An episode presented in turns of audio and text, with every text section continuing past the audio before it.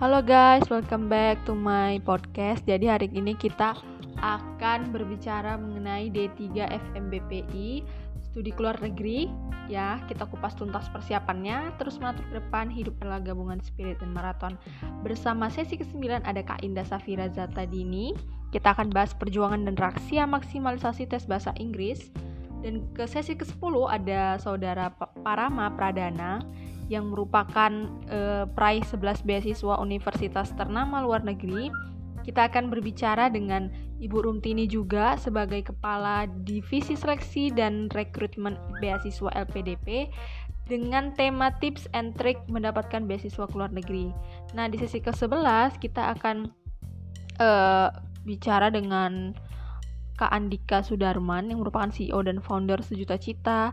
Kita akan berbicara mengenai tips, taktik, dan persiapan diterima di Harvard.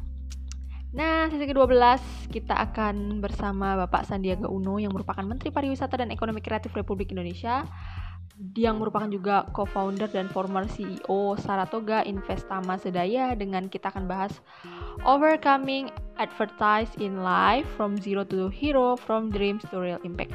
Nah, bagi kamu yang belum daftar FMBPI, semoga kamu cepat daftar dan semoga dapat tiket. Bye bye.